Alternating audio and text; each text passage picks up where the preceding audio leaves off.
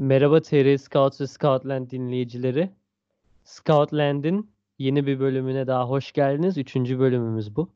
Ee, bugün üçüncü bölümden itibaren yaklaşık iki ya da üç bölümlük e, bir yeni format ya da bir Scout podcast formatı e, uydurduk diyelim.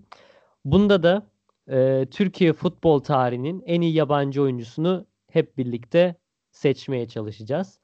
E, listemiz hazır. 32 tane oyuncu var. Bütün detaylara girmeden önce çok değerli yine e, iki scoutumuz e, bizimle birlikte şeflerimiz Burak Özkan ve Muzaffer Zeyrek. Hoş geldiniz beyler.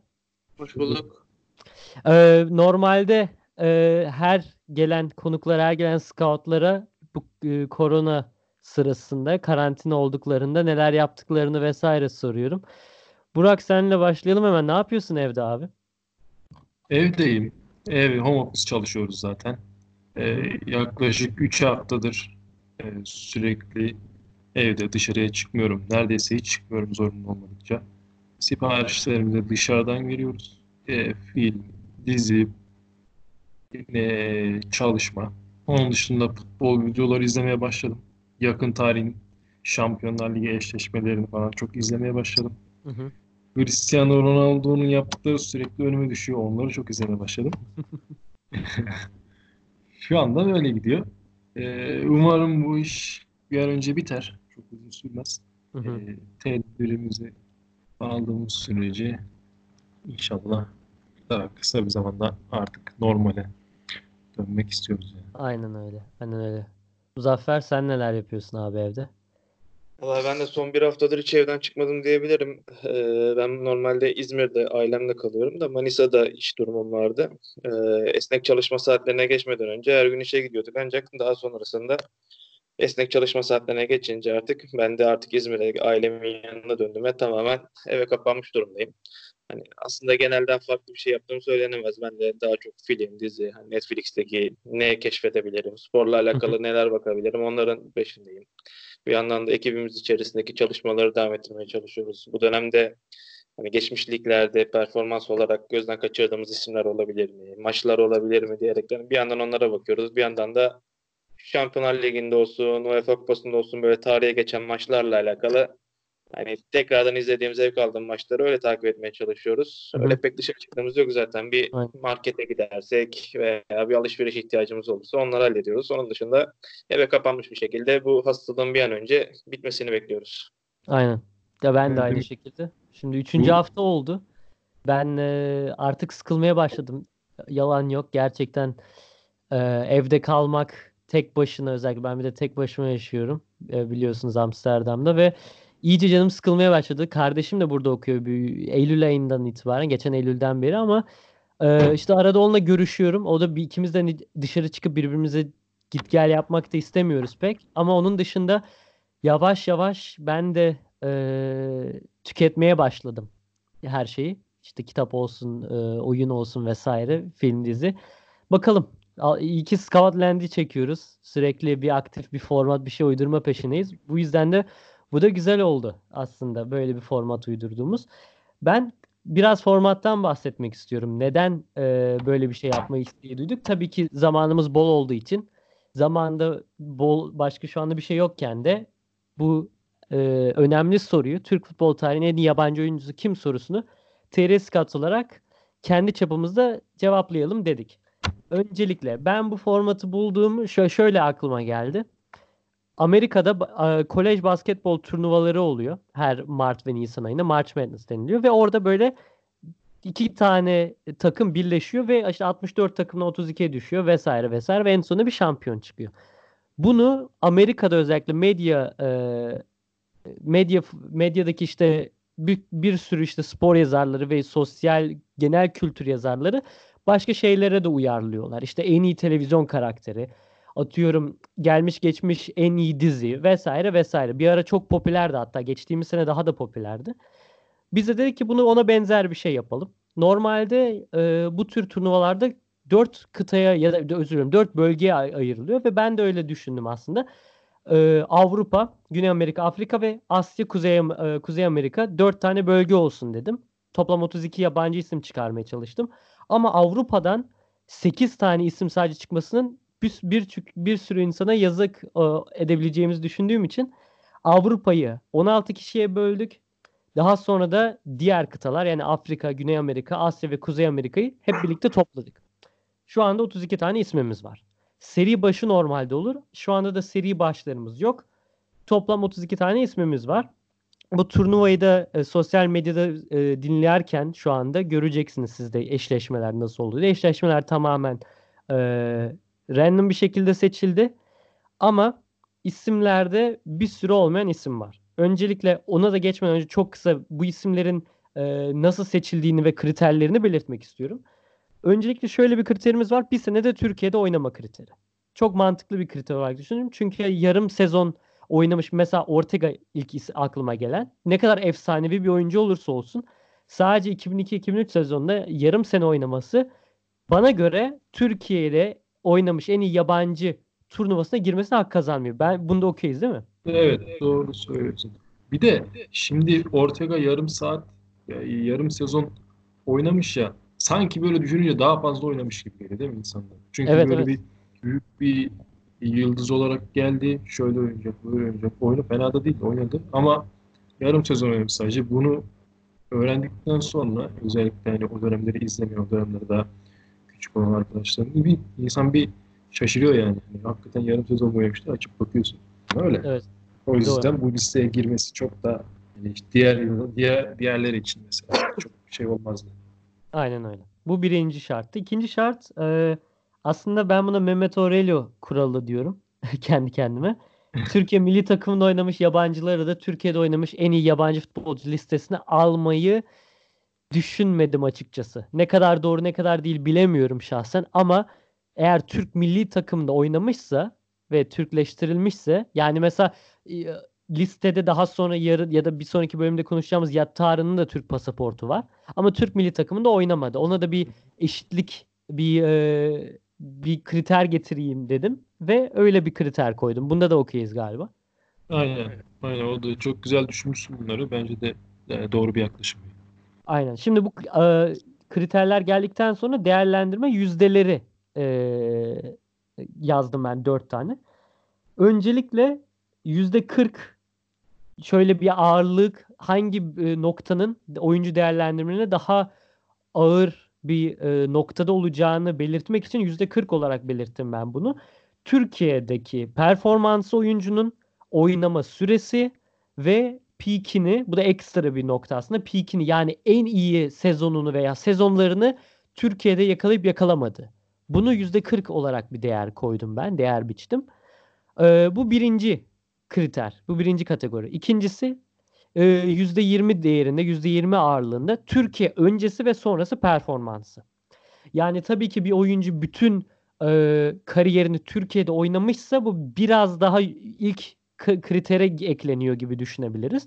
Aynen. Ama birçok e, değerli, ünlü ve gelmiş geçmiş en iyi futbolcular listesine girebilecek futbolcuların da bu listede olmasının sebebinin bir tanesi de Türkiye öncesi ve sonrası gösterdiği performanslar olarak düşündük. Daha sonra dünyadaki itibarı ne kadar biliniyor, ne kadar değerli bir futbolcu. Ee, mesela FM'de de bilirsiniz, FM'den de bilebilirsiniz. Yani bir oyuncu aradığınızda dünyadaki itibarı çok iyi, çok da az vesaire böyle itibarlar da var ve bunun da önemli bir kriter olduğunu e, düşündük aslında. Ve son evet. kriterde taraftarın yani e, oynadığı kulübün ya da Türkiye'deki kulüplerin oyuncuya gösterdiği sevgi ve kulüpte bir bir ikon, bir e, gelmiş geçmiş en iyi kulübün yabancısı ya da futbolcusu konuşmalarında yer alabilecek olup olmaması. Bunlar kategorilerimizde. Bunlarda da okeyiz diye düşünüyorum. Evet, kesinlikle. Tamam. Bunlar da tamamsa e, Avrupa'ya değerlendirmeye başlayalım. Hazır mıyız? Hazırız. Ondan Hazırız. önce girmeyen oyuncuları kısaca belirtmek istiyorum tamamen gömme, Twitter ya da sosyal medya siz bunu nasıl almadınız tarzı eleştirilere açığız. O yüzden böyle bir e, liste yaptık zaten. Evet. İlla ki olacaktır zaten. Tabii ki zaten böyle olacak. Girmeyenleri bana göre en değerli girmeyen oyuncuları sayıyorum. Robin van Persie, Guti Hernandez, Pascal Numa, Lukas Podolski ve Pepe. Tabii ki girmeyen başka oyuncular mesela Rapayic, Uyfalushi görüyorum. e, Kejman, e, Vida. Girmeyenleri de Vesaire. yapalım mümkün o zaman. Efendim? Girmeyen en iyisini de yapalım. E, Girme en iyisini yapalım aynen. Frank de Boer mesela isim olarak. Höök var mesela. Samuel Johnson. Özür dilerim Samuel Johnson Ganalı. Geri alıyorum. Ee, Avrupa'da yani ilk 16 isme girmeyen isimler bunlar. Özellikle Aa Guti nasıl yok? Aa Van Persie nasıl yok? Podolski, Numa nasıl yok falan. Onları kısaca konuşalım. Niye yok beyler? Van Persie niye yok? başlayalım. Oradan oradan başlayalım o zaman. Ee, Van Persie'nin geldiği sezon, ilk sezonunda aslında bence hani böyle skandal bir performansı yoktu. Ama devamında ıslıklanmaya kadar giden bir çok ciddi bir düşüş oldu. Hı E, hı. Zaten sansasyonel bir şekilde de başlayamamıştı Türkiye kariyerine. Sadece gelişi, e, en peak yaptığı nok- nokta gelişiydi belki de zaten adam. Ya o yüzden e, hani buraya almak belki şimdi çok doğru değil. Çünkü bir de buradan kimi çıkarıp onu alırız diye de bakmak lazım. Öyle zaten listeye fotoğrafı bakınca önümüzde Hı hı. çok da hani çıkarabilip çıkarıp onun yerine Aynen. Örneğin Mario Gomez. Bir sene oynadı. Bir sene. Kaç sene oynadı Mario Gomez? Bir sene sadece bir, Bir- sene kiralık Bir oynadı. sene oynadı. Ee, zaten hani çok üst düzey bir performanstı. Şimdi Mario Gomez'i çıkarıp onun yerine Van Persie'yi alamayız. Çünkü Ve Evet aynen öyle. ciddi bir performans farkı var. Doğru. O yüzden e, hani mantıklı bir tercih olarak görüyorum Van Persie'nin bu listeye dışarısında kalmasını. Yani biz bir de şöyle yani ülkeye gelen en kariyerli oyuncu veya ismi en iyi oyuncuyu seçmiyoruz. Hani ülkeye kattığı, ülkede gösterdiği performansla, taraftarın gözündeki değeriyle o bahsettiğin skalaya göre ayarlamaya çalışıyoruz. Van. Persie yani geçmişi Arsenal olsun, Manchester United e, dönemi olsun, Hollanda milli takımıyla yaptıkları olsun. Yani tartışılmaz zaten bunlar ama Fenerbahçe'ye geldikten sonra Van Persie'yi nasıl anıyorsunuz derseniz yetenekli bir futbolcu ama oynatamadık. Ee, veya Aynen. başka sorunlarıyla, teknik direktörüyle yaşadığı sorunlarıyla, sakatlığıyla yaşadığı sorunlarıyla hep algıladık. Hani Burak'ın dediği gibi Gomez ve Van Persie ikisi benzer dönem, aynı dönemde oynamış iki oyuncu. Tabii aynı Ee, sene geldiler zaten. Aynı sene geldiler. Ee, Gomez mi e, üste yazarsın, Van Persie'yi mi der? Yani ülkeye kattığı, takımına kattığı, takımına taşıdığı, saha içinde gösterdiği e, aksiyon olarak baktığında Van Persie hani ülkemize yolu düşen çok önemli yıldızlardan ama beklenenin çok e, altında performans veren isimlerin başında geliyor. Yani o yüzden böyle bir listeye dahil edilmedi. Evet. Evet. Ondan sonra e, Van Persie gibi e, listeye dahil edilmeyen başka bir dünya yıldızı Guti. Guti Hernandez, Real Madrid efsanesi. Onun da dahil edilmeme sebebi e, sadece bir sene oynamış olması ve o yani oynamış olmasını ben bu arada e, hani oynamış diye belirtemeyiz galiba. Çünkü Guti gerçekten geldiğinde çok iyi, yani hiç iyi bir performans göstermedi ve e, yani oynadığıyla bu listeye girmeye hak kazanamadı. Yani hani bu Burak dedi ya kimi keseceğiz tarzı. Gerçekten Guti'yi Guti'yi koymak için bu kadar 16 seçtiğimiz isimden aslında kimi keseceğiz gerçekten Evet. düşününce ve Guti'nin girmeme sebebi bir, bir, şey, bir şekilde de o. Ee, isme göre ve oynadığı futbolun da aslında iyi olmasıyla belki de girebilecek isimlerden ikisi bana göre çok da uzun belki kalmamalarına rağmen Podolski ve Pepe. Yani Podolski de Pepe de geldiği zaman Pepe belki aşırı iyi oynamamış olmasına rağmen Podolski de peak zamanı gelmemiş olmasına rağmen geldiklerinde ligin iyi oyuncularından kabul edilen isimlerdi. Ama girememe sebepleri bana göre şahsen burada kimseyi şu anda listede bulunan 16 isimden kimseyi öyle kolay kolay kesememe durumları bence. Ne diyorsunuz? Kesinlikle. Podolski bir kere eee, yani çok benim zaten çok sevdiğim bir oyuncuydu. Yani Arsenal'de yıllarca acaba ne zaman Selçuk çek çekecek böyle hani gol atacak diye bekliyoruz. Galatasaray'a geldi. O zaman da aynı şekilde oldu. Şimdi baktım 25 eee, 34 pardon 34 gol 18 asistlik bir performansı var Galatasaray'da. 75 maçta. E, çok değerli bir performans ki o takımın o sezonlarda e, şampiyon olamadığını da düşünürsek geçmiş sezonlarda Galatasaray'a göre daha düşük bir performans da seyrettiğini hatta hatta dibi gördüğü zamanları bile düşünürsek bence çok değerli bir performans ki zaman zaman asıl mevkisi olmayan tek santraforda oynadığı da çok oldu. Bence Podolski ikinci santrafor gibi kanat forvet Sağ kanat, sol kanat. Önceden sol kanat mesela Galatasaray'a gelmeden önce. Galatasaray'da da sağ kanatta değerlendirildi oldu. Orada da iyi oynadı. Şampiyonlar Ligi'nde örneğin Benfica yaptığı çok güzel bir gol vardı. Bu öyle iyi bir performans vardı. Taraftar da çok seviyordu onu. Ama dediğim gibi ben ilk 16 değil. Yani 17. olabilir. 18. olabilir Hı hı, ama ilk hı hı. 16'ya giremiyor maalesef. Evet. Muzaffer Podolski veya Pepe hakkında ne diyorsun? Ya Pepe'nin performansı hani ilk geldiği sezon Şampiyonlar Ligi'ndeki performans o motivasyonu olarak çok değerli bir performans. O Şampiyonlar Ligi'nde Beşiktaş Hı hı. savunmasına kattığı tecrübe Evet. olsun. Hani o değerlendirme alınabilen hani Pepe yok bu listeye giremez diye yaptığımız değil. Rakiplerinden dolayı olan bir durum. Ee, hani daha sonraki sezonda da Avrupa'dan evlendikten sonra Pepe ne yaptı? Pepe sakatlıktan başka bir şey yapmadı. Bir sonraki sezon maaş sıkıntısı girdi. Sakatlık sıkıntıları girince Hani o motivasyonunu, Şampiyonlar Ligi motivasyonunu kaybettikten sonra Pepe de aslında ortadan kayboldu. Bu bir eleme için bir e, kıstas oldu bizim için. Benim için daha doğrusu. E, Podolski'ye girince de Podolski'yi ben hep şöyle değerlendiriyorum. Yani Podolski yanlış zamanda gelen doğru bir oyuncu. Podolski e, geldikten bir dönem, iki dönem önce gelseydi, Fatih Terim'le çalışma dönemine girseydi Podolski belki de bu listede kafaya oynayacak oyunculardan birisiydi. Ama girdiği dönemde takımında yaşadığı e, takımın genel durumundan bahsedeyim. Yani e, yönetim değişti, Fatih Terim'in gitmesi, o teknik direktör belirsizlikleri falan derken orada bir Hamza Hamzoğlu döneminde e, biraz kıpırdanmalar oldu ama genel olarak diğer isimlerle karşılaştığımızda mesela e, Milan Baroş gibi bir kariyer vardı önünde ki Milan. Baroş hem forması hem gol asist sayılarıyla Podolski'den daha öne çıktığı için aslında Podolski'yi ben de bu listeye de görmek isterdim diyeyim ama di- diğer rakipleriyle kıyaslayınca hani nasıl el- neden elendi cevabı bence buna kaynaklı oldu biraz.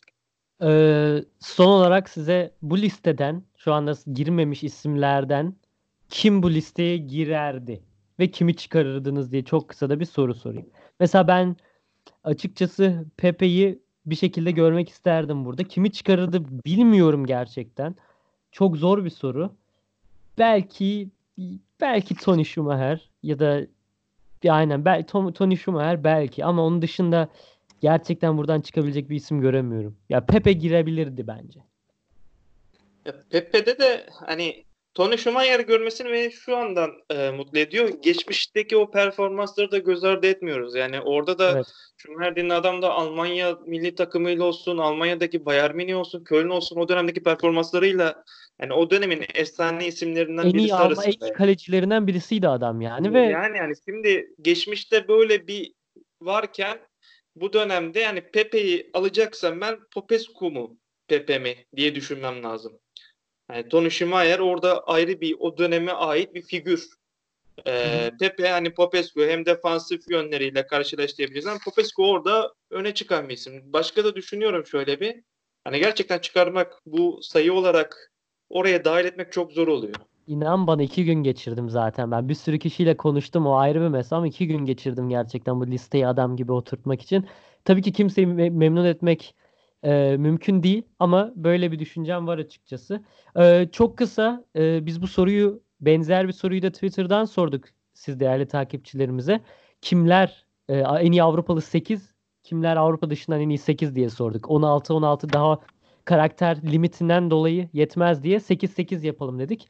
Çok değerli isimler gelmiş. Mesela e, çok sevgili eski scoutumuz Mahmut abiden, Mahmut Demir'den e, Guti, Quaresma, Snyder, Pepe, Hacı Anelka görüyorum. Ondan sonra Umut Utku Tekoğlu, Guti, Quaresma, Anelka, Hacı, Popescu, Van Hooijdonk, Van Persie demiş. Snyder ve Pepe. Ee, duygusal tercihler demiş Yasin. Ee, o da Galatasaraylı belli ki Yasin Alttırı Hacı 10. Ee, Ribery görüyorum mesela.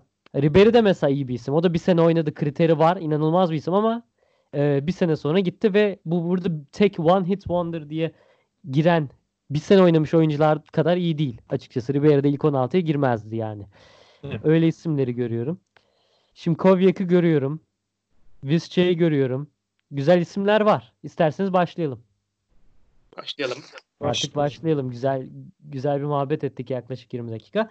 İlk eşleşmemize başlayalım. Dediğim gibi eşleşmeler yaklaşık olarak e, tamamen şans eseri seçildiğini belirtmek istiyorum. Ve ilk Kurayla. eşleşmemiz ilk eşleşmemiz Hacı George Hagi Galatasaray'ın efsanesi ve Elvir Bolic. Sadece Fenerbahçe değil, gerçekten Türkiye Ligi'nin en önemli gelmiş geçmiş santraforlarından birisi. Muzaffer, sözü sana bırakıyorum. İyi bir çalışma süreci geçirdim burada. Ee, podcast öncesi. Sözü sana bırakayım en başta. Yani şimdi Hacı kıyasmanına işine girince biraz Hacı fark yaratan bir isim oluyor. Hani ben burada tamamen e, kulüplerden bağımsız olarak baktığımda sayısal veriler üzerinden gidelim. Hacı dediğimiz adam Galatasaray formasıyla 178 maça çıkıp e, 69 gol 61 asist yapmış bir isim. Yani bunun 5 yılda böyle bir karnesi var ki bu dönem içerisine UEFA Kupası, UEFA Süper Kupası e, gibi kupaları e, dahil etmiş bir isim listesine. Geçmişine baktığımızda Barcelona, Real Madrid gibi e, kafa takımlarda e, performans olduğunu görüyoruz. Hani e, kıyaslayınca gerçekten Boliç için çok sağlam bir rakip oldu Hacı. Hani Bolic'in ilk turdan yaşadığı şanssızlıklardan birisi. Evet. E, Bolic'e baktığımda Bolic'ten bir Türkiye Ligi topçusu olarak e, önümüze çıkıyor. E, Antep'te, Fenerbahçe'de, Galatasaray'da forma giymiş olması. E, rakamlarına baktığımda Süper Lig'de tam 273 maça çıkıp 122 gol 38 asist yaptığını görüyoruz gol içinde. Hı hı. Ee, bir Rayo Vallecano dönemi olmuş. Ee, Fenerbahçe'nin 2 milyon euro bonservise satıldığı dönemde. Ee, bunları kıyasladığımız zaman bizim bir değişkenlerimiz vardı. Puanlama olsun, şey olarak olsun. Ben bunlara baktığımda hani %40 olarak e, değerlendirmiştik ya Türkiye Ligi'nde ne yaptı? Hı hı. E, pik noktasına Türkiye Ligi'nde mi yaptı?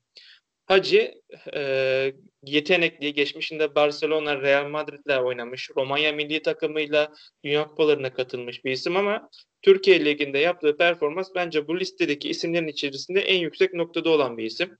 Yani pikini de ben Türkiye'de yaptı diyebilirim.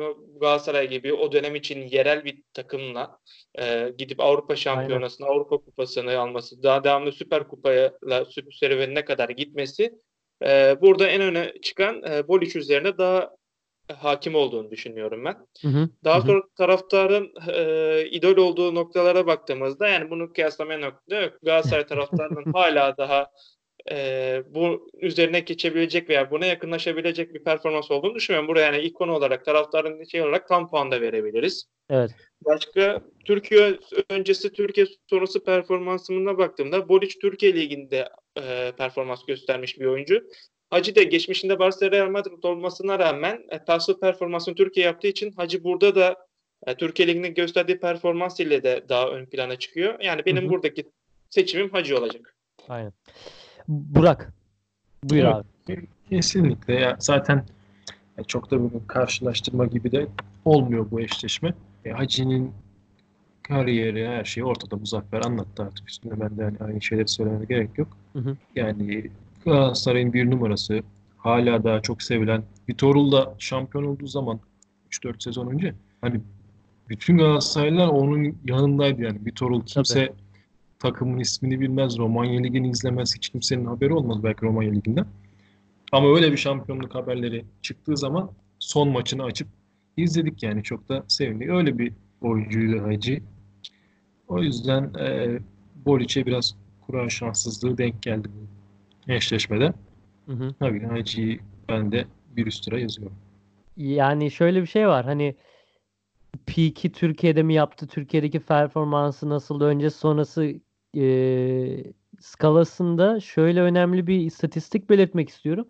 Hacı'nin en çok yani en fazla süre aldığı lig aslında Süper Lig. Yani e, Romanya'da yani Romanya net olarak kaç dakika olduğu yazmıyor e, transfer markta. Öyle bir istatistikte bulamadım açıkçası ama Süper Lig'de La Liga'dan ya da Serie A'dan çok daha fazla maçlara çıkmış. 132 maç oynamış. 10 bin dakika oynamış ve 59 gol 49 asist yapmış. Yani çok ciddi belki de kariyerinin en iyi noktasını Muzaffer senin dediğin gibi kariyerinin sonunda yapmış. Çünkü Galatasaray'da emekli olan bir isim Hacı. Evet. Ve 5 sene oynadı. O ve işte dünyadaki itibarını çok kısa söyleyeyim. Yani Balkanların Maradona'sı. Kar, özür Karpatların. Balkanların demişim. Burak sana kaydı direkt. Balkan Karpatların Maradona'sı diye bir e, lakabı var. Yani Dünya Kupası'nda inanılmaz öne çıkan bir isimdi Hacı. Yani sadece Türkiye'de tanınan bir isim değil. Bütün dünyanın tanıdığı 90'ların e, hatta 80'lerin sonundan 90'ların ve 2000'lere 2000'e kadar en önemli ismimdi belki de Hacı Avrupa futbolunda ofansif orta saha olarak diye belirteyim. Yani Bolic'e yazık oldu çünkü Bolic'in e, bilmeyenler için şöyle belirtmek istiyorum. 273 maçta Süper Lig'de 122 golü var. Yani daki, 166 dakikada bir gol bulan bir isim Bolic. Bu da her ikinci maçta bir tane gol atmış demek Bolic. Evet. Ya inanılmaz bir efsane. Bolic'in bu listede niye olmasını e, soruşturan olacak olursa lütfen bir istatistikleri aç, açıp baksınlar. Oyun stili de zaten inanılmaz. Hani Manchester United maçında Fenerbahçe adına attığı da bir gol var. Bir galibiyet getiren de bir isim. Öyle bir ikonluğu da var Bolic'in Fenerbahçe taraftarları arasında. Yani çok şanssız bir eşleşme Bolic adına. Mesela e, Bol için milli takım performansına da bakabiliriz. 51 milli maçta 22 gol var. Evet. Yani orada oradan da belli oluyor yani nasıl bir golcü olduğu. Bir de Bol için Galatasaray'da oynadığını çok bilinmiyor. Onu da söyleyelim. Galatasaray'da da 13 maça çıkmış. Ya ben şeyi bile bilmiyordum. Ben Gal- hani Türkiye'ye Bolic'i getiren takımın Galatasaray olduğunu biliyordum. Tabii tabii. Evet. Çok Galatasaray'a küçük yaşta geliyor. Galatasaray'a geldi de pek tutunamadı. Gaziantep'e geçti sanırım. Ondan Evet, sonra pik oynayıp- noktasını yaptı. Yarım- Evet, evet. Yani çok ilginç. 250 bin euroya transfer ediliyormuş, edilmiş Bolic Galatasaray tarafından ve e, anında 92-93 sezonunun ara transfer döneminde Gaziantepspor 1, min, 1 milyon euro vererek e, almış Bolic'i Tabii, Galatasaray. tabii o Ve- zamanlarki para birimleri şimdi 1250 bin euro hani şu anın 250 bin eurosuna Tabii, denk tabii. geldiği için belki hele öyle yazmışlardı. Gaziantep'in 1 milyonu 1 milyon değil orada. Yani hem mesela hani o şimdiki o para birimleri birazcık şey yapabilir, kafa karıştırabilir. O dolar kurları aynı, aynı değil yani ondan dolayı Evet, biraz. tabii. Şu anki şeye göre düşünebiliriz hani. Şu an Bolic şu an 17 yaşında olsa şu an 250 bin liraya transfer gerçekleşebilir gibi bakabiliriz o işe. Evet, oylamaya geçelim istiyorsanız. Galiba gayet net. Evet, 3 Ee, da acı aldı. evet, e, oylamada hepimiz Hacı diyoruz yanılmıyorsam. Evet. Evet. Evet, Hacı'yı e, Hacı Elvir Boliç eşleşmesinde Türkiye futbolunun en iyi yabancı turnuvasında ilk üst tura çıkan isim Avrupa'dan Hacı oldu. Hacı'nin e, karşısına kim çıkacak? Bence bu gayet güzel bir eşleşme olmuş. Üzerine de iyi konuşabiliriz aslında. Ricardo bu Quaresma ve Buffett'in Gomis. Buffett'in Gomis'in burada olduğuna e, laf atan, laf edecek isimler olabilir. Şöyle açıklayayım ben kendi çapımda. Sonra da size bırakacağım sözü. E, yani Türkiye Ligi'nde şu anda bu listede Mario Gomez de var. Ve ben kendi adıma bir futbol sever olarak Mario Gomez'in de bir sene oynamış olması ve Buffett'in Gomez'in de bir sene olmuş oynamasını e, göz önünde bulunursa Gomez'in olup e, Mario Gomez'in olup Buffett'in bir Gomez'in olmaması bence mantıklı değil. Türkiye Ligi'nde gol krallığı yaşamış bir isim Gomez. İnanılmaz bir etki bırakmış bir isim Gomez ve Gomez'in olup Gomez'in olmaması büyük hata olurdu diye düşünüyorum. Burak ne diyorsun? Gomez neden var sence listede? Bence de söylediğin doğru. Şimdi ikisi de birer sezon oynamış. İkisi de oynadıkları sezona damga vurmuş. Gol kralı olmuş oyuncular. Gomis Fransa milli oyuncu aynı zamanda. Ki Fransa milli takımında ne kadar geniş bir kadrosu oldu ve yıllardır yani dünyanın en büyük milli takımlarından birisi. E, Gomis'in sadece Galatasaray değil Galatasaray'dan önce de zaten golcülüğü e, söz konusu yani hani gelip de işte 30 yaşına kadar birazcık e, düşük performans seyredip burada gelip bir anda 32 gol atmıyor. Zaten golcü bir oyuncu. Zaten Galatasaray'dan gittikten sonra Arabistan Ligi'nde de yine gollerine devam ediyor. Hani zaten e, biraz Gomis'i küçük e, görüyor insanlar. Hani e, çok büyük kulüplerde oynamadığı için Olimpik Lyon var, Marsilya var, Swansea City var ama bir top kulüpte oynamadığı için biraz küçük gözüküyor. Aslında öyle değil. Çok golcü bir oyuncu zaten kariyerinde de belli. O yüzden yani Gomez'le Gomis ikisinde neredeyse birbirine yakın Türkiye performanslar. O yüzden ikisinin de olması doğru. Oynadıkları sezona damga vurup takımlarının şampiyonluğunda bir numaralı pay, pay sahibi bu adamlar. E, kariyerleri de ortada. O yüzden mantıklı bir tercih yine Gomis'in olması. Quaresma ile eşleşmesi de enteresan oldu. Yani bilmiyorum. Ben çok kararsızım açıkçası. Yani ligde 34 maçta 29 gol atan bir Gomis'ten bahsediyoruz. Yani kimsenin bu kadar beklemediği bir e, performans. Yani rekorları alt üst etti. Galatasaray'ı şampiyon yaptı. E, efsane mi değil mi? Tabii ki büyük tartışma. Yani kulüpte bir e, kulübün efsanesi diyebileceğimiz bir isim değil ama yani rekor kırması, Türkiye Ligi'nde böyle bir performans göstermesi ve hala ve hala Galatasaray taraftarlarının ya Gomis gelse keşke tekrardan diye diyebileceği bir isim yani hala. Evet. Ki Galata Gelse Gomis değil belki ama olsa gitmese derdik. Evet, Evet. aynen onu diyecektim. Gomis aynen belki kalmış olsa çok daha rahat konuşacaktık Gomis'in burada neden olduğunu. Yani hani Elmander belki niye yok Gomis var diye de konuşulabilir ama ben şahsen Gomis'in burada olmayı e, bir forvet olarak daha fazla hak ettiğini düşünüyorum. Evet, kesinlikle. Muzaffer ne diyorsun? Yani Gomis kapasitesinin maksimumunda oynayabilen bir oyuncu. Yani sadece Türkiye Ligi'nde değil, daha öncesinde Saint Etienne'de gösterdiği performans, oradan Lyon'a geçti, Lyon'da gösterdiği performans hep gol rakamları olarak oynadığı takımı ve ligini tatmin eden rakamlara oyuncu. Çok golcü. Aynen. Lyon'dan Swansea'ya geçti mesela. Swansea'de iki sezonda 17 gol, 5 asist öyle bir rakım olması lazım. Tam hatırlayamıyorum şu an ama Premier Lig'de dahi sezonda 8-9 gol ortalamasını tutturabilen bir oyuncu. Bugün Lacazette'e baktığımızda o bile 10-11-12 gol civarında gezen bir oyuncu e, Premier Lig'de. Hı hı. Hani Gomis bence neden oldu? Şundan dolayı oldu. Galatasaray'ın kazandığı şampiyonluğa direkt etki eden bir isim Gomis. O sezon 29 golle hem de yabancı gol rekorunu kırmış bir isimdi Gomis. Hani bu yüzden önemliydi benim için kadro e, listede son 16'da olması. Quaresma ile eşleşmesi de gerçekten çok benim en çok takıldığım ikinci eşleşme oldu bu Gomis Quaresma eşleşmesi. Ben de çok Ee, çünkü Quaresma'ya bakıyorum. Geçmişinde e, Inter olsun, Barcelona olsun, Chelsea olsun denenmiş bir oyuncu. Yani bu denenmeler Hacı ile kıyaslık gösterebilir mesela. Hacı de Real Madrid, Barcelona ama tutunabildi mi? Tutunamadı. Quaresma'nın iki tane pik yaptığı takım var. Birincisi Porto her zaman kendi evi ne zaman takılsa geri dönüp oradan tekrardan adını duyurup tekrardan transfer yapabildiği takım. İkincisi ise Şenol Güneşli dönemde Beşiktaş'taki performansı. Şimdi bir yandan doğal yetenek Şenol Güneş ile iki şampiyonluk kazanmış. Geçmişinde Porto ile önemli başarılar olan ve önemli takımlar tarafından denenmiş bir Quaresma. Bir yanda da yetenek olarak daha altında ancak e, maksimumunu verebilen, rakamlar konusunda ikna edebilen, şampiyonluğa doğrudan etki edebilen bir Gomis. Yani şu an bile hala da Gomis'e gidiyorum, Quaresma'ya gidiyorum. Gomis'e gidiyorum, Quaresma'ya gidiyorum derken kararsız şekilde bir devam ediyorum yani ben bu arasında. Yani şöyle bir şey var. Gomis'in e, sadece tek sezon oynamasına rağmen bu kadar konuşulmasının sebebi hem şampiyonluğu getirmesi, hem rekor kırması, hem de diğer isimler gibi böyle bir- birkaç sezon boyunca hani kümülatif denilir ya üst üste toplana toplana bir istatistik şeyi yok.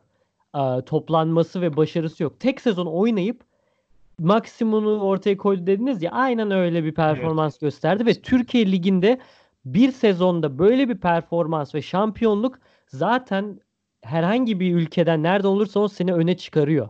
Quaresma'nın da hala neden Quaresma Gomis bu kadar gidip gelmemizin sebebi de bu. Quaresma bu kadar uzun süre e, oynamasına rağmen ülkemizde bu kadar önemli takımlarda oynamasına rağmen kariyerinde Barcelona, Porto, Chelsea, Inter oralarda başarılı olamadı. Dünya çapında itibarlı bir oyuncu ama onun itibarı iyi bir oyuncu olmasından gelmiyor. Trivela golleri atıp önemli YouTube kanallarında paylaşılınca of ne gol attı be abi de, deyip e, insanlar öne çıkıyor. O yüzden tanınıyor. Yani oynadığı oyun stiliyle öne çıkıyor. Ve bu- ama şöyle bir durumu var. Yani Quaresma'nın hakkını vermek lazım. Sonuçta 80 maç 80 maçta Portekiz milli takımının formasını giymiş bir oyuncu. evet. 10 tane gol atmış. Performans çok iyi. Hala yani onun Barcelona, Inter, Chelsea, Porto geçmişinin olduğunu unutmamak da gerek. Hala Porto taraftarlar tarafından seviliyor. Orada da ikinci şansı oldu. Beşiktaş'ın çok önemli bir efsanesi her ne kadar sevilmese de, her ne kadar bir efsane olarak görülmese de hani bir ikonluk, efsanelik e, kriterimiz var ya taraftar sevgisi. O %20'den hani 20 puan olarak da görürsek yani en fazla 10 verirsin değil mi? Muzaffer sen kaç verdin bilmiyorum ama 10 verdim Ya- ben de. En fazla 10 verilir yani. Dünyadaki itibarı da 20 üzerinden hani 15 verilir belki 13 verilir ama onun da sebebi çok iyi oyuncu olmasından değil. Portekiz milli takımıyla çok başarılı olması yani kupa getirmesi ya kupayı gelirken Portekiz'in kazandığı kupaya da önemli bir söz sahibiydi Quaresma. Orada önemli bir başarısı vardı. Ama Türkiye'deki ya pik yapmadı bence Quaresma. Quaresma hangi sezon inanılmaz oynadı diyebiliriz ki? Evet. evet. Ben öyle bir Bir de- sezon hatırlamıyorum. Kötü sezonları da çok şimdi öyle de bakmak lazım. Hep Evet. ilerisinin bir de e, kötü geçirdiği de çok sezonu var. E, çok yaptığı böyle skandal denebilecek hataları var. Bunları da iş içine koyuyoruz performans değerlendirmesi yaparken Yani nasıl artılar iyi yaptıkları işte artı getiriyorsa bunlar da biraz puanını düşürüyor bence. Yani şöyle öyle. Quaresma'yla kazanılan şampiyonlukta takımı şampiyonluğu getiren isim Quaresma olmadı. Quaresma sisteme katkı sağlayan bir oyuncu oldu. Mesela ilk seneki şampiyonlukta o Sosalı, Oğuzhanlı, Gomezli hat Beşiktaş'ı şampiyon yaparken ikinci sezonda baktığımızdaki de direkt Talisca etkisinde göre Talisca e, olsun, o dönem forvetlerindeki olsun, defanstaki Marcelo ikilisindeki olsun. Yani Quaresma'nın katkısı yok değildi ama şampiyonluğa getiren asıl faktör Quaresma olmadı. Ee, hani Gomis direkt şampiyon yapan ana faktörken Quaresma direkt şampiyon yapan ana faktör olamadı. Bu Quaresma için eksi yazsa da açıkçası biraz da hani dünya itibarı durumuna bakıyoruz ya. Bu konuda Quaresma'ya kayıyorum ben biraz. Şöyle ki hani 2005, 2006, 2007 yıllarda hem Ronaldo'nun çıkışa başladığı hem Quaresma'nın e, hani Avrupa denedi olmadı döndü Porto'yla olsun o dönemde e, birbirine kıyas olduğu dönem yılın oyuncusu Portekiz yılın oyuncusu seçilen isim Ronaldo değil Quaresma'ydı. Hı hı. Ee, daha sonrasında baktığımızda hani UEFA Şampiyonlar Ligi'ndeki e, Inter'li kadrosunda mıydı? Inter'in kadrosundaydı sanırım değil mi o dönem? Ee, Şampiyonlar Ligi kazandığı dönemde mi? Inter'in 2010'da kazandığı dönemde Quaresma Porto'da mıydı? Onu tam hatırlayamadım şu anda ama Hemen- Avrupa'da Galiba galiba yoktu orada. Şu Evet yok Inter'deymiş özür diliyorum Inter'deymiş doğru. Inter'di değil mi? Ben öyle bir hatırlıyorum Şampiyonlar kadrosu. Yani kadroya katkısı olmuyor. Kupaya katkısı olmuyor ama o kadronun içerisinde oluyordu. Evet kadro Ee, direkt o uluslararası kupada kazanılan başarıdan ne katkısı var derseniz e, son Avrupa şampiyonu Portekiz'in olduğundaki katkısını sayabiliriz. Yani orada Beşiktaş'ta bir tekrardan toparlama Şenol Güneş'in o döneminde toparlanma yapıp milli takıma gidip o sonradan oyuna girdiği maçlarda çözücü rolde olması kupayın Portekiz'e gelmesinde katkısından bahsedilebilir. Hani böyle bir daha bir global baktığında milli takımı karıştırdığında Quaresma'ya dönüyorum. Sadece lig ekseninde kaldığımda Gomis'e gidiyorum. Valla ne yapacağız Bütün bilmiyorum. kriterleri toplayınca bütün kriterleri toplayınca eğer oylama yaparsak şu anda ki yapmak zorundayız yavaştan. Çünkü biz daha konuşacağımız bir sürü eşleşme var. Ne kim diyorsunuz? Gomis mi? Quaresma mı? Ben Burak? ben Gomis'ten yana kullanıyorum oyumu.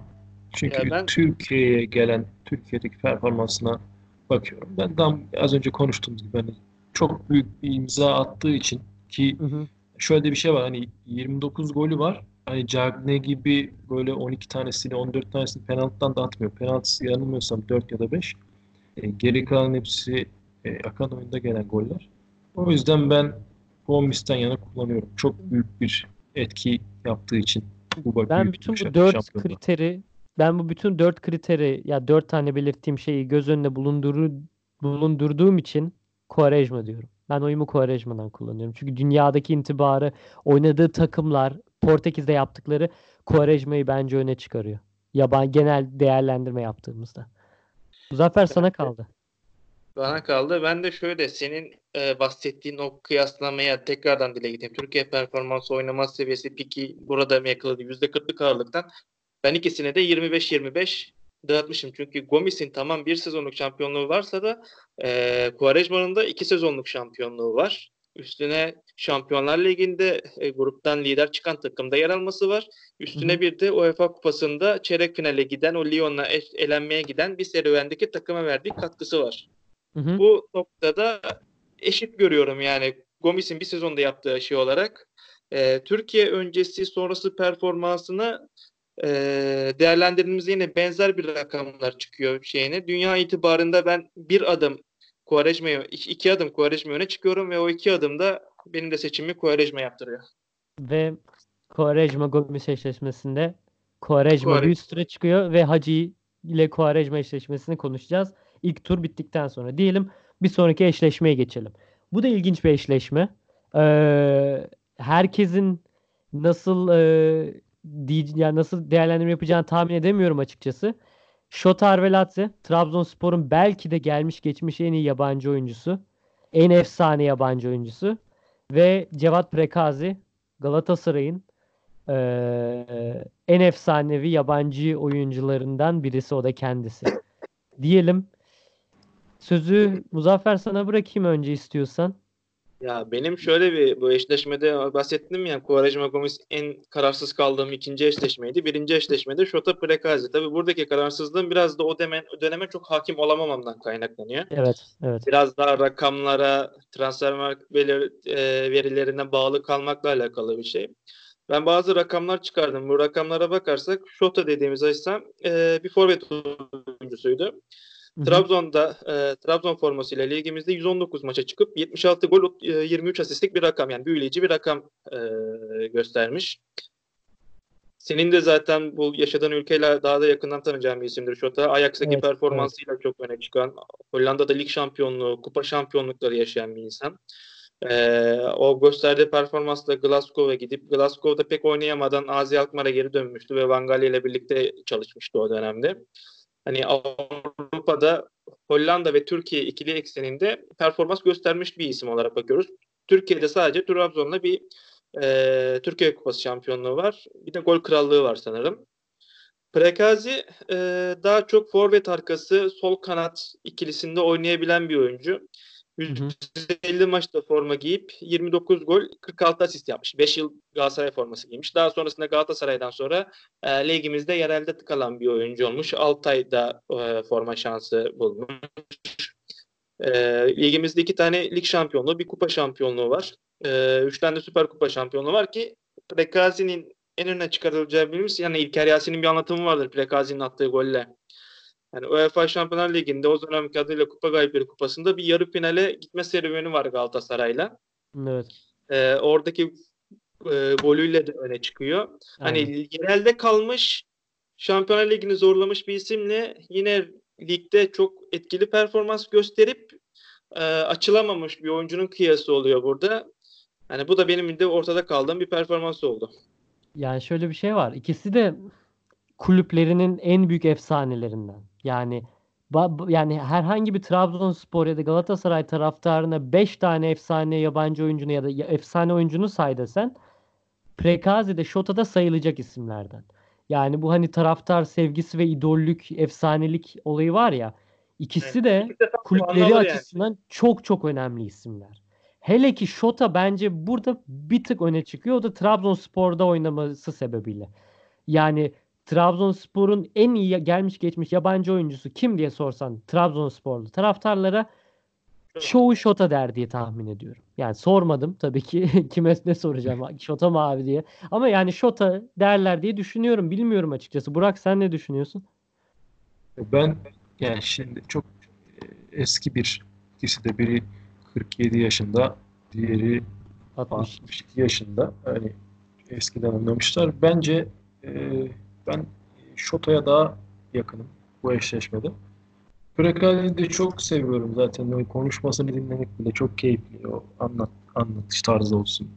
E, sempatikliği olsun. Ama ben e, futbolculuk olarak bakan bakınca Şota'ya yana kullanıyorum tercihimi. Oylamaya geçelim o zaman. Burak oyunu Şota'dan kullandı.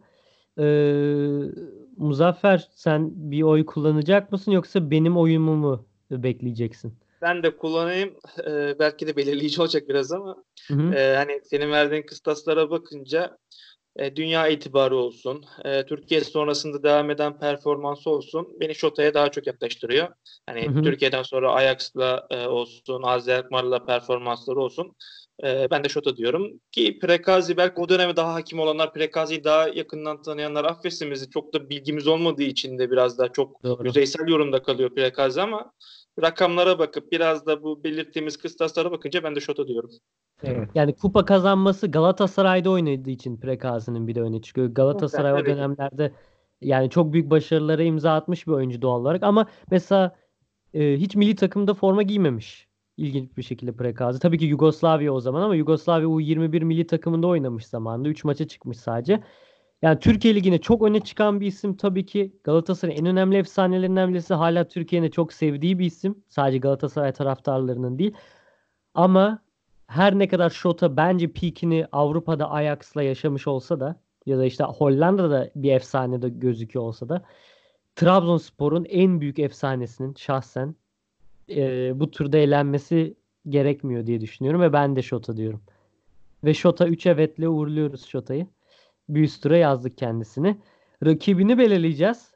Yine Hollanda'dan devam ediyoruz. Hollandalı hücum oyuncularının savaşı. Dirk Kuyt ve Pierre van Hooijdonk.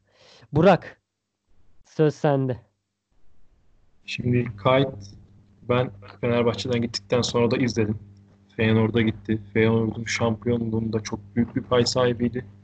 Hani o takım zaten Fenerbahçe ile de eşleşti e, şeyde Avrupa Ligi'nde. E, ama ben Pierre Van Hooijdonk futbolculuk olarak e, daha öne koymak istiyorum. Kayt'ın çok başka özellikleri vardı yani. Hani öyle sansasyonel bir futbolcu değil belki. Belki o yüzden birazcık sönük kalıyor. O yüzden Hooijdonk biraz daha öne çıkıyor. Ee, ama hani Fenerbahçeli taraftarların da bu konuda direkt ikiye ayrılacağını düşünüyorum. Yani kayıt diyen de çok olacaktır. Hooijdonk diyen de çok olacaktır. Ee, bence e, Hooijdonk biraz daha önde. Yani o en basitinden hani dünyada oynadığı zamanlarda o dönemlerde dünyanın sayılı frikikçilerinden biriydi. Yani böyle bir bu kadar bir özelliğiyle bu kadar baskın olan bir oyuncu çok da hatırlamıyorum yani Türkiye'de. O yüzden Yani- şimdi size size ben bir döneyim. Hı hı. Çünkü Hoydonk'a yakınım ama sizi de bir dinlemek istiyorum. Yani şöyle bir şey var. Hooijdonk 2 sezon Fenerbahçe'de forma giydi. 2003, 2004, 2004, 2005 sezonları arasında. 2 sezonda 2 şampiyonluk yaşadı Fenerbahçe ile. Bunun dışında 53 maçta toplam forma giyip 31 gol 13 asist istatistiklerinde yakalamış. Ee, çok değerli bir oyuncu. İsta- yani frikikleriyle öne çıkan bir oyuncu. Dirk Kuyt da Kuyt da e, yaklaşık Kayıt kaç sene Fenerbahçe'de oynadı bir dakika şu 3 anda sezon 3 oynadı. sezon oynamış Üç aynen sezon ve oynadı. bir şampiyonluğu var. Evet, Ve bir Avrupa Ligi'nde de başarıları var. Yani Avrupa Ligi'nde de çıktılar. başarıları var. O Aynen öyle. başarıda çok büyük bir pay sahibi kendisi. Zaten Süper müthiş de Lig'de- futbolcu. Aynen doğru. Yani aşırı bir istatistik özelliği öne çıkmıyor. O konuda sana %100 katılıyorum. Hani adam göze çok hani Fenerbahçe'nin en iyi oyuncusu ya mükemmel oynuyor falan diye özür dilerim. Zamanında çok konuşan olmadı diye hatırlıyorum ama ım, Pierre Van iki sezon, iki sezonda iki şampiyonluk gayet efektif bir e, ım, kariyer Fenerbahçe'de. Ama şöyle bir şey belirtmek istiyorum. Dirk Türkiye'de belki efsane olmadı ama hem Hollanda'da Feyenoord efsanesi olması orada inanılmaz bir ya Hollanda liginin Eredivisie'nin gelmiş geçmiş en iyi e, 20 oyuncusundan birisi olarak ya da 25 oyuncusundan birisi olarak sayabileceğimiz bir oyuncu Dirk Kuyt. 104 milli maça çıkmış 24 gol atmış bir oyuncu kendisi. Liverpool'da forma giydi ve orada da gayet ya 6 sezon oynamış ve başarılı olmuş bir oyuncu diye düşünüyorum. Premier Lig'de 208 maça çıkıp Tabii tabii. 51 gol Kesinlikle. 32 asist ortalamalarını yakalaması yani yani çok azımsanamayacak bir başarı bence ve dünyadaki itibarı da Dirk Kuyt'ın daha çok. Şunu şunu söyleyeyim. Ee, Kayt'ın kariyerinde 787 maçı var. Evet. Yani 787 maça çıkılır mı? Çıkılıyor işte. Hani bu dönemde özellikle önceden belki daha çok maça çıkıyorlardı ama 787 maçı var. Hooijdonk'un kariyerinde 340 maçı var. İki kadından daha fazla maça çıkmış Kayt. Evet. Doğru. Muzaffer sen ne diyorsun bu konuda? Ya siz çoğu şeye bahsettiniz zaten ikili kıyaslama noktasında. Ben şu noktada değerlendireceğim. Hani senin yine verdiğin eee kıstaslardan yola çıkıyorum. yani taraftarların oyuncusu sevgisi, ikonluk seviyesine bakarsak yani burada Fenerbahçe taraftarından yola çıkarsak ikisi arasında net bir bariz üstünlük koyamaz sanırım. Hani bunu kapatsak daha iyi. Üç sektör üzerinden bakıyorum ben.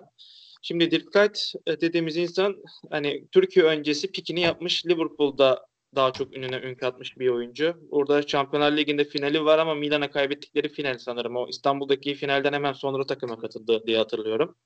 Ee, orada kaybetti. İngiltere'de Lig Kupası ve Süper Kupa gibi şampiyonlukları var Liverpool'da. Ancak şu an Liverpool'un efsane oyuncularından birisidir zaten.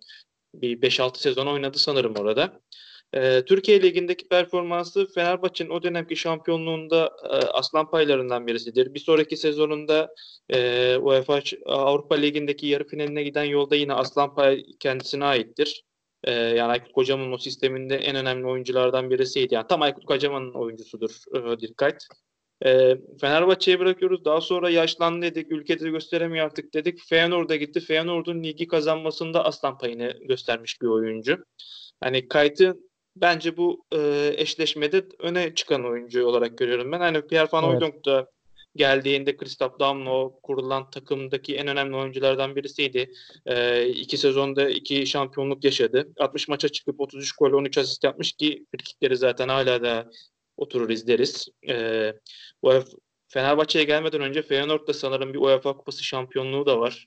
Orada da Şampiyonlar e, UEFA Avrupa Ligi'nin gol kralı, UEFA Kupası o zaman adıyla gol kralı olmuştu hem. Yani takıma direkt katkıda bulunmuştu. Hani ikisi de çok iyi bir oyuncu ama ben Dirk Kuyt'ı bir adım daha öne çıkıyorum. Seçimim Kuyt'tan oraya ne olacak? Evet Burak da Van dedi. Ben de Kuyt'ı öne çıkarıyorum aslında. Ben yani genel olarak itibar, oynadığı takımlar, Fenerbahçe'deki çok başarılı bence performansı sebebiyle de her ne kadar Van çok önemli bir efsane olsa da Fenerbahçe efsanesi olsa da yabancı oyuncu olarak Kayt genel paket baktığımızda bence de bir tık öne çıkıyor ve Shota'nın rakibi oluyor. Diyelim e, bayağı e, uzun konuştuk aslında. Birkaç daha eşleşmemiz var. E, bir tık daha hızlanacağız burada. E, aslında eşleşmeler de biraz daha kolaylaşıyor mu diye, diye düşünüyorum aslında. Wesley Snyder, Tony Schumacher bir sonraki eşleşmemiz. E, ben çok fazla bir şey konuşmak istemiyorum. Bana göre Avrupa'da Hacı'den sonra Avrupalı gelmiş geçmiş Türkiye'ye en iyi yabancı oyuncu. Avrupalı tekrar onu üzerine basmak istiyorum. Wesley Snyder. Yani karşısında Tony Schumacher olsa da 1980'lerin en iyi Avrupalı kalecilerinden birisi olsa da Fenerbahçe'ye gelme sebebi yazdığı kitap ve orada e, büyük sıkıntı yaşaması Almanya'da. Çünkü bir sürü e, e, sırrı ortaya çıkarmıştı. Ve bu sebeple de e, gerçekten büyük sıkıntılar yaşadı Almanya'da. Fenerbahçe'de de çok önemli başarıları imza attı ama ben Wesley Snyder'i burada bir tık öne çıkarıyorum. Burak? Ben de Snyder'i öne çıkarıyorum. Snyder çünkü en iyi futbolcular arasındaydı. Yani en iyi futbolcuları sayarsak 2010 e, yıllarda, 2010 yılların öncesinde veya sonrasında o senelerin yani zaten kariyerinde Ajax var, Real Madrid var, Inter var. Ondan sonra Galatasaray geliyor. 2007, 2007 yılında 27 milyon euro bonservis vermiş Real Madrid ona. Yani Snyder'in çok daha böyle bir numaraya yakın bir futbolcu olduğunu düşünüyorum ben. O yüzden Türkiye performansı da bence tatmin ediciydi. Son senesinde belki düşüş yaşadı elbette. Sakatlığı da çok etkili oldu orada. Onu çoğu insan gözden kaçırıyor. Sakatlığı önemli bir sakatlıydı. Diz, diz sakatlığı. O yüzden ben de Snyder'den yanayım bu eşleşmede. Muzaffer, senden de kısaca alalım. Ee, Tony Schumacher'in ismini küçültmeyelim yani o dönemi için en öne çıkan kalecilerinden birisiydi. Tabii tabii. Ki Türkiye'de performans sonrası düşüşe geçmiş bir isimdi. Türkiye'den yani Fenerbahçe'den Bayern Münih'e geçmiş bir kaleci kendisi. Ee, Almanya milli takımıyla Avrupa şampiyonlukları var ama senin dediğin gibi bazı sosyal sorunları da yaşadı Almanya'da. Ancak karşısında e, hem daha bizim hakim olduğumuz bir döneme ait bir oyuncu hem ee, hani Hollanda'da Ajax'a gösterdiği performansı devamında Real Madrid, Inter olsun, Inter'le Şampiyonlar Ligi kupasını kazanmış olması olsun, ligde şampiyon sezonda 3 kupayı birden kazanmış olması e, Snyder'e daha öne çıkarıyor. Ligimizde hep de etkiye de bakarsak e, Snyder'in Galatasaray'ın kazandığı şampiyonluklara doğrudan etkili olması, e, Süper Kupa kazanmasında olsun, e, Türkiye Kupası kazanması olsun direkt etki etmesinden dolayı ben de Snyder diyorum. Evet Snyder'i de Acun Ilıcalı tabiriyle 3 evetle uğurluyoruz ve rakibini bekliyoruz. Rakibi de şu eşleşmeden belli olacak. Fenerbahçe'nin gelmiş geçmiş en önemli forvetlerinden Elvir Balic ve Beşiktaş'ın One Hit Wonder'ı Mario Gomez. Ma- Mario Gomez üzerine aslında Gomez'i konuşurken bayağı tartıştık. Yani onun e, tekrardan bir değerlendirmemize fazla gerek yok diye düşünüyorum. E, kısaca Balic'i değerlendirelim. E, Muzaffer senden biraz istatistik alalım. Balic Biraz. Balic'in geçmişine bakarsak ülkemizde Bursa Spor'la forma giymeye başlayan bir oyuncu ve devamında Fenerbahçe forması giydi. Bursa'da 94 maça geçip e, 43 gol gibi istatistik yakalama sonu Fenerbahçe'ye götürdü. E, Fenerbahçe'de de yaklaşık 40 maçta 19 gol 17 asistlik gibi güzel bir rakamı yakalaması ve devamında e, Beşiktaş Teknik Direktörü John Benjamin şu an o dönem Real Madrid'e geçmesi ve e, Türkiye'den tanıdığı Balic'i de yanına almasıyla büyük bir takımın formasını giydi ama tabii oraların oyuncusu değildi Balic. Ee, 20 maça çıkıp bir gol bir asist gibi bir rakam yakalamış. Devamında Valencia'ya kiraya verilmiş ve orada da istediğini yakalayamayınca artık gözden düşüp ülkemizde önce Galatasaray'a geldi. Orada da çok e, ciddi performans olmadı. Hacı ile çalışmıştı sanırım o dönemde. E, devamında Konya'ya giderek e, futbolu bırakma serüvenine girmiş bir oyuncuydu. Ligde bir şampiyonluğu var. e, Bir Türkiye Kupası şampiyonluğu var. E tabi Real Madrid kadrosu olduğu için Şampiyonlar Ligi şampiyonlukları var ama yani o dönemlerde Türkiye'de atıyorum Muğdat Çelik statüsünde, Galatasaray'ın kadrosundaki Muğdat Çelik statüsünde bir isim olarak görebiliriz yani. O başarıyla çok e, eşleştirmemek lazım. E, tabii karşısında da Mario Gomez gibi e, Almanya efsanesi diyebileceğimiz Bayern Münih'te Jupp Heynckes'in döneminde Şampiyonlar Ligi kazanmış, e, gol rekorları kırmış bir isim. Almanya milli takımında oynamış bir isim var. E, hızlıca ben Gomez, Gomez'den yana uyumu kullanıyorum. Gomez diyorsun. Burki, Hı, evet Gomez. Burak'cığım. Ben de ben de Mario Gomez'e yakınım. Bu yakınlığımdaki Mario sebep e, Mario Gomez'in daha büyük bir oyuncu olması, e, daha uluslararası bir oyuncu olması zaten yani Almanya milli takımında 78 maça çıkmış Mario Gomez. O yüzden Beşiktaş'taki bir sezonu da e, en yüksek, en top sezonlarından birisiydi. Balic'i çok sevsem de hem Fenerbahçe'de oynamasını hem Galatasaray'da oynamasını ve Türkiye'de hani bizden biri gibi olmasıyla sevip sempatiyle baksan da ben de Mario Gomez'i tercih ediyorum. Her ne kadar ben bir sene kriteri getirmiş olsam da e, Gomez'in de siz belirttiğiniz gibi ne kadar önemli bir oyuncu olduğu belli olsa da ben Balic'in Fenerbahçe'den 21 milyon euroya Real Madrid transferinin Türk futbol tarihinde çok çok önemli bir e, bir noktası olduğunu düşünüyorum. Çünkü e, Türkiye futbolu yani Balic'in transferiyle hani Türkiye pazarını da aslında Avrupa'ya açtı bence Balic transferi ve bu da çok çok onu öne çıkarıyor. Bilmiyorum bir senelik futbolcular her ne kadar peak yapıp orada inanılmaz bir performans gösterse de e, burada Balic'ten ben yani oyumu kullanırdım. İlk ben demiş olsaydım da ama iki Gomez bir Balic'le Gomez öne çıkıyor ve Mario Gomez Wesley Sneijder'in rakibi oluyor bir üst turda diyelim. Ve son e, 16 iki, son iki tane 16 eşleşmesine geçelim. Eşleşmelerimiz Popescu, Edin Visca, Nikola Anelka ve Milan Baroş. Önce George Popescu, Edin Visca'yı geçelim. Burak Popescu Visca eşleşmesi eş- eş- çok zor söylendi. Popescu Visca eşleşmesi var. Eşleşmesi. Eşleşmesi. kimi kimi öne çıkarıyorsun bu eşleşmede? Öncelikle şu bilgiyi vereyim. Popescu şu anda e, Hacı'nin takımında yani Viitorul'da, Viitorul Akademi'nin başkanı. Evet. Romanya'da hala aktif bir şekilde futbolun içinde 115 milli maçı var Romanya'yla. Galatasaray'dan önceki kariyeri zaten adam Barcelona futbolcusu. E, kariyerinde Tottenham var, PSV Eindhoven var, Lecce var Galatasaray'dan sonra. E, öte yanda Edin Visca hani neredeyse Türkiye'de doğup Türkiye'de futbol bırakan bir oyuncu olacak. Müthiş bir kariyeri var Türkiye için onun da. Yani Evet. Her sezon yılın 11'ine girebilen bir oyuncu ben daha başka hatırlamıyorum Türkiye'de. O yüzden çok kolay bir eşleşme değil ama uluslararası arenaya baktığımız zaman Popescu'nun daha önde olduğunu düşünüyorum. E, Galatasaray'la yaşadığı şampiyonluklar, Avrupa başarıları onu biraz daha öne çıkartıyor. O yüzden ben Popescu'dan yana kullanıyorum. Ya Visca'nın şöyle bir dezavantajı var. Daha 30 yaşında. Yani daha 6 sene bile 6-8 seneye kadar bile Türkiye'de daha oynayabilir. Oynayabiliyor. oynayacağı- inanılmaz bir kariyer. Ya hani gerçekten yıllardır her sezon aynı şekilde oynayıp aynı en iyi şekilde oynayıp hatta Evet. bu kadar inanılmaz bir istikrarlı bir isim. şekilde geçen bir oyuncu bulmak çok zor. Sürekli aynı şeyler yapıyor. Yani 2014'te yaptığı hareketleri 2020'de de yapıyor. Yine aynı şekilde başarılı oluyor. Ve yani hem gol hem asist istatistikleri takımı taşıması inanılmaz. inanılmaz bir oyuncu gerçekten. Yani 256 Süper Lig maçında 71 gol 75 asist. İnanıl yani çift yönlülük tam böyle gözükür diye söyle düşünüyorum Ve üç aslında. büyüklerden biri de değil. bunu Evet Başakşehir'de yani. Başakşehir ve Bosna Hersek'in en önemli oyuncularından birisi. Ben de Popescu diyeceğim.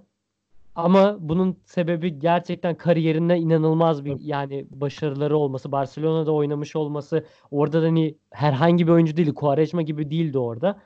Ve Galatasaray'ın da en önemli efsanelerinden birisi olması sebebiyle ben de Popescu diyorum. Ee, sen kimi derdin Muzaffer? İki Popescu ile bir tur atlattık kendisini ama sen Ya de benim de Popescu tercihim benim de tercihim Popescu'dan yana olacak. Çünkü ligde gösterdiği geçmişi olsun, dünya konusunda itibarı olsun, e, ligde göstermiş olduğu performans, hani UEFA Kupası'na giden süreçte dörsün üst üste şampiyon o süreçteki aslan rolü. E, onlar da Popescu'ya yaklaşıyor. Visca hani atanamadı bir türlü. Bir atanabilseydi şöyle bir e, Başakşehir yer elinde kaldı. Hep İstanbul Büyükşehir Belediyesi, Başakşehir yani aynı takımda devam etme sürecine girdi. Hani biraz daha iddialı bir takımda, biraz daha e, şampiyonluğa oynayan, direkt Avrupa'ya e, da başarı hedefleyen bir takımda olsaydı belki de Vişça bizi biraz daha zorlayacak bir isimdi. Belki 30 yaşından sonra da bu serüvene girip daha e, benzer başarıları yakalayabilir. Yani geçmişine baktığımızda şampiyonlukları sadece o Bosna'daki genç takımlarda oynadıkları zamanda Bosna Ligi'nde şampiyonlukları var, kupaları var. Ama bu hani istatistik 340 maç, 95 gol, 97 asist muazzam bir rakam. İnşallah kendisini Başakşehir'de Okan Buruk'la giden bu serüvende de değerlendirebiliriz. Yani Sporting Lisbon ile devam ediyorlar ama şu zamana kadar baktığımızda Popescu çok ağır basıyor yani. Evet. Popescu'yu da bir üst tura çıkardık. Son ilk tur eşleşmemizi konuşalım. Yaklaşık ya bir saat oldu aslında. Ee, biz bunu bir saat tutmak düşün tutmayı düşünmüştük aslında bütün Avrupa turnuvasını ve bir şampiyon çıkaralım dedik. Ama gayet uzun konuştuk. Aslında daha iyi bir bölüm daha çekebiliriz. Sizleri de yine şey yapabiliriz ama son bence bir ilk tur eşleşmesini konuşalım. Ondan sonra sizden bu turnuvayı kim galip çıkar Avrupa'dan ve öbür taraftan diye sorup podcast'i kapatalım yavaştan diye düşünüyorum ben. Ben benim için en zor eşleşme aslında bu. Anelka Baroş eşleşmesi. Anelka, Nicolas Anelka ve Milan Baroş eşleşmesi. Şu anda önümüzde ben gerçekten ikisine de bakınca çok çok zorlanıyorum. Yani ben sözü Muzaffer önce bu ya- Muzaffer aynen sana bırakayım istatistikleri falan belirtirsin kısaca. Niye böyle bir zorlandığımızı bir açıkla bence. Ya şöyle bir şey, e, Anelka'dan başlayayım ben size. Anelka'nın oynadığı takımları sıralı liste olarak söyleyeyim. Paris Saint-Germain diye yetişip Arsenal'e geçmiş. Arsenal'den Real Madrid, Real Madrid'den Paris Saint-Germain, oradan Liverpool'a kiralanıyor. Daha sonrasında e, Fenerbahçe'ye kadar giden bir süreci oluyor. Manchester City oynuyor, daha sonra Fenerbahçe'ye geliyor. Oradan Bolton Wanderers, Chelsea, Juventus, West Bromwich diye giden ve Çin'de devam eden bir hatta Hindistan'a kadar süren bir serüvenden bahsediyoruz. Mumbai City Hani- aynen. kariyer akıyor yani resmen. Nasıl bir menajer mi var diyeyim artık. Nasıl diyeyim yani Avrupa'da oynamadığı büyük takım kalmamış hemen hemen neredeyse. Gezmeyi Ee, Türkiye- seviyormuş. Evet. Türkiye Ligi'ne baktığımızda Fenerbahçe'de 57 maç 16 gol 14 asistle direkt şampiyonluğa da o zaman e, dönem etki etmişti ki bir sonra sonra da Denizli'de kaybedilen bir e, şi- şi- e, şampiyonluk vardı. O dönemde olsa daha da bir e, iki Türkiye Ligi ile belki de ilk, ilk ülkeden ayrılmış olacaktı.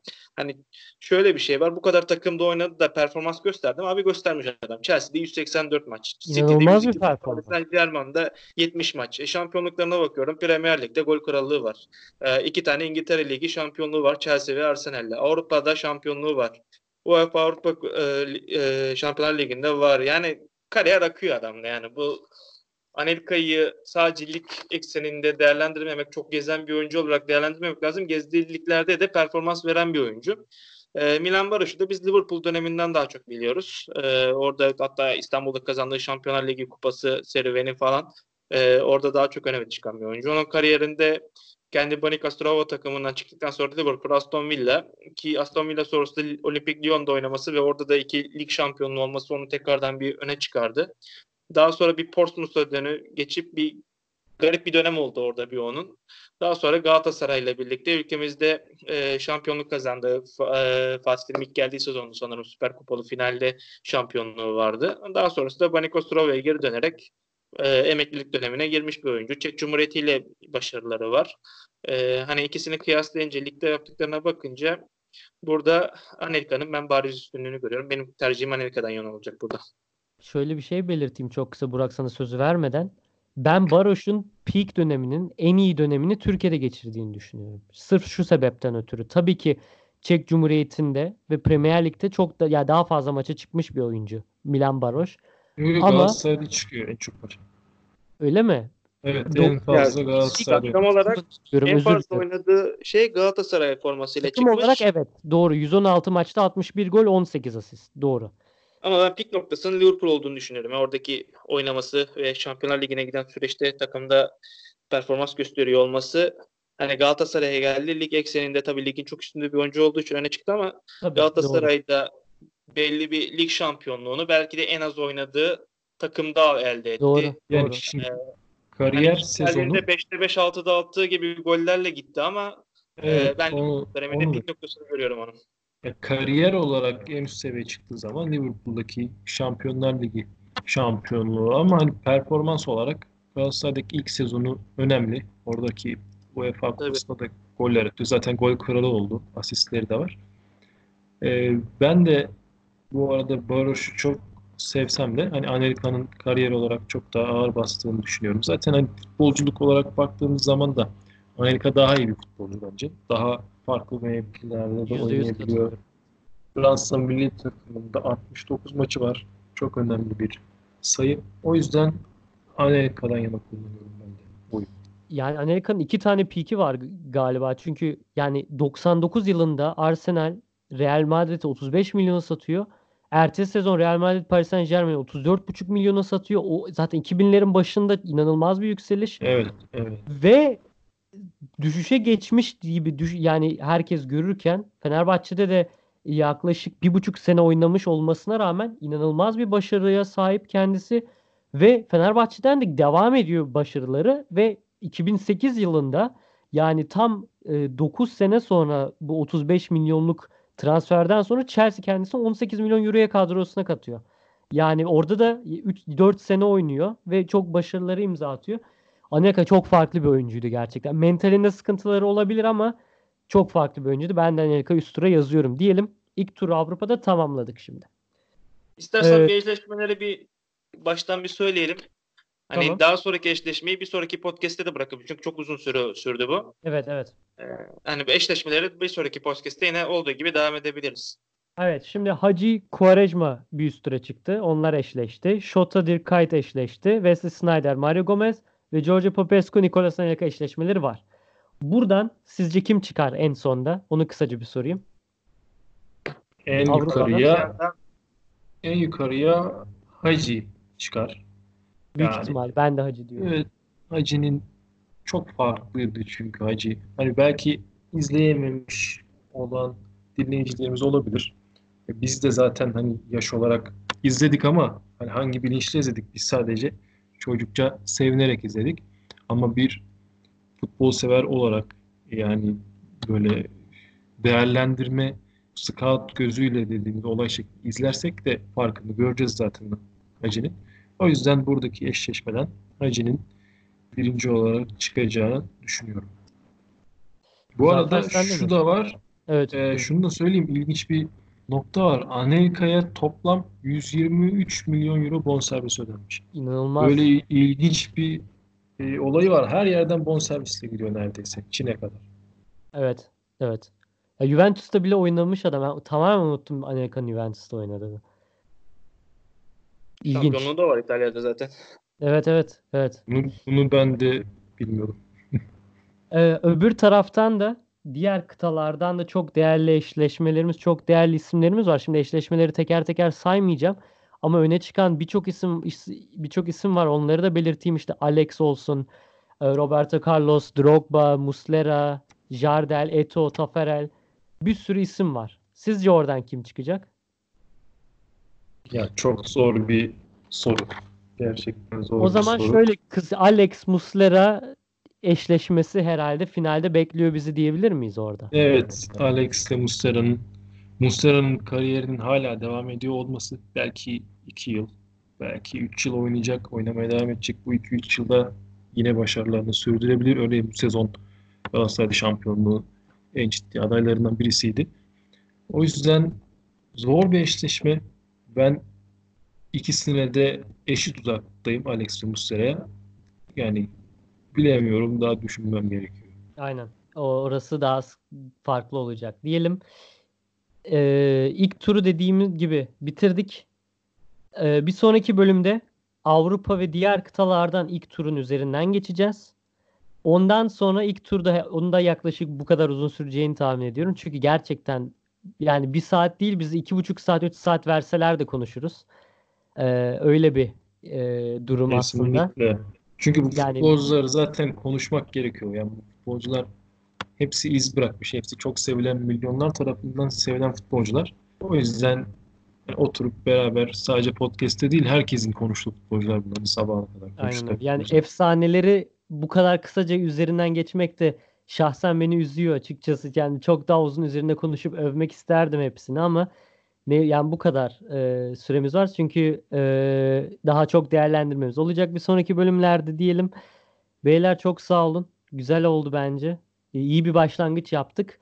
E, üçüncü turda yani üçüncü tur dediğim iki, ikinci bölümde diğer kıtaları eşleştirdikten sonra daha geniş bir grupla da daha güzel bir podcast, daha açık oturum tarzı bir podcast'i bile yapabiliriz diye düşünüyorum açıkçası. Öyle de devam edebiliriz. Çok çok sağ olun ee, katıldığınız için. Dinleyicilere de çok teşekkür ediyoruz. Ee, yorumlarınızı bekliyoruz. Sizden Van Persie niye yok, Guti niye yok, siz ne biçim scutsunuz tarzı şeyler duyabiliriz. Ee, bir kişisel olarak algılamayız. Belki algılarız diyeyim. Neyse. Ben ama çok güzel bir başlangıç yaptık. Çok çok Evet, teşekkürler. yorumları açığız. Yani Yorumları açıyoruz. iyi, iyi, kötü. Çünkü bu kötü olabilir, bir şey. Yani objektif Kesinlikle olarak öyle. su budur diyemeyiz. Ama Yani bu futbolcuların kendilerine sorsak onlar da acaba kim diye düşünürler. tabii ki. Tabii ki aynen öyle. Ya şimdilik böyle bir başlangıç yaptık diyelim. Ee, yorumlarınızı bekliyoruz. Burak Muzaffer ağızlarınıza sağlık. Sağ olun. Teşekkür Çok ederim ben de çağırdığın için. Ee, Scoutland'in bir sonraki bölümünde görüşmek üzere. Artık bir ön- önümüzdeki hafta cumartesi mi olur yoksa daha önce mi bir sonraki bölümü getiririz bilemiyorum. Ee, zamanımız bol. Büyük ihtimalle daha yakın zamanda yaparız diyeyim. Herkese teşekkürler. Görüşmek üzere. Bay bay. Görüşmek üzere. Görüşmek üzere.